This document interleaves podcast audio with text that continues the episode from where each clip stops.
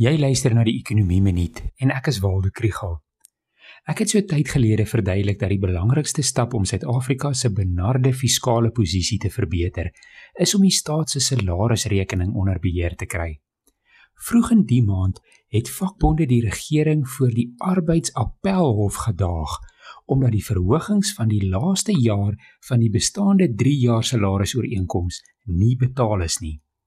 Gister het die hof bevind dat daardie ooreenkoms onwettig was en die regering hoef nie die verhogings te betaal nie.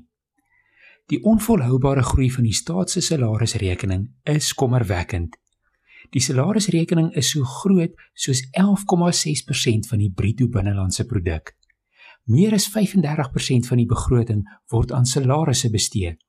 En tussen 2006 en 2018 het die salarisrekening gegroei vanaf 154 miljard tot 518 miljard rand.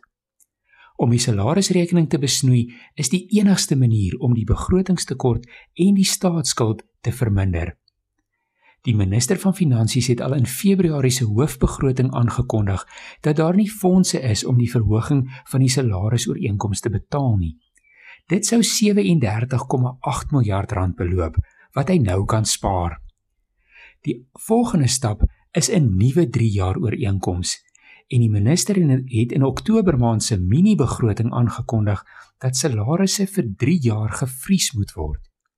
Die minister van Openbare Dienste en Administrasie, Senzo Mkhunu, moet dit in die nuwe jaar met vakbonde begin onderhandel. Dit is 'n klein oorwinning, maar Suid-Afrika het nou so 'n halwe tree teruggegee vanaf die fiskale afgrond.